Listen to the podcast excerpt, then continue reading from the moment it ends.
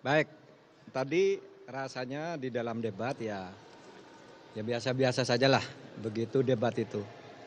Itu eh, penilaian setiap orang berbeda, tapi saya sendiri merasa bahwa saya sudah memberi yang terbaik untuk debat ini. Nah oleh sebab itu karena ini debat terakhir untuk Cawapres, saya ingin sampaikan terima kasih kepada Pak Jokowi karena lima tahun yang lalu atau empat setengah tahun yang empat setengah tahun yang lalu beliau meminta saya menjadi Menko Polhukam.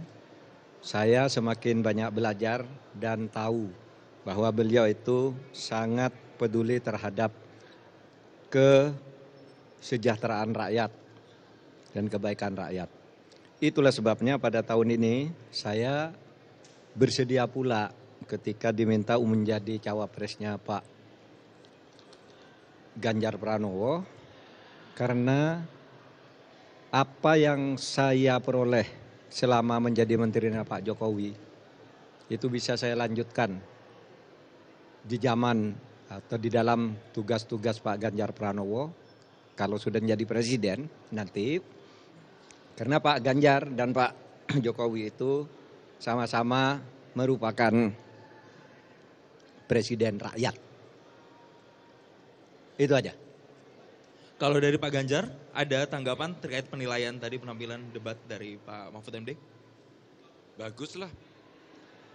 Karena untuk pertama kali saya kira Pak Mahfud menginspirasi. Ada pertanyaan yang harus dijawab, tapi beliau sampaikan tadi, ini pertanyaan nggak perlu dijawab.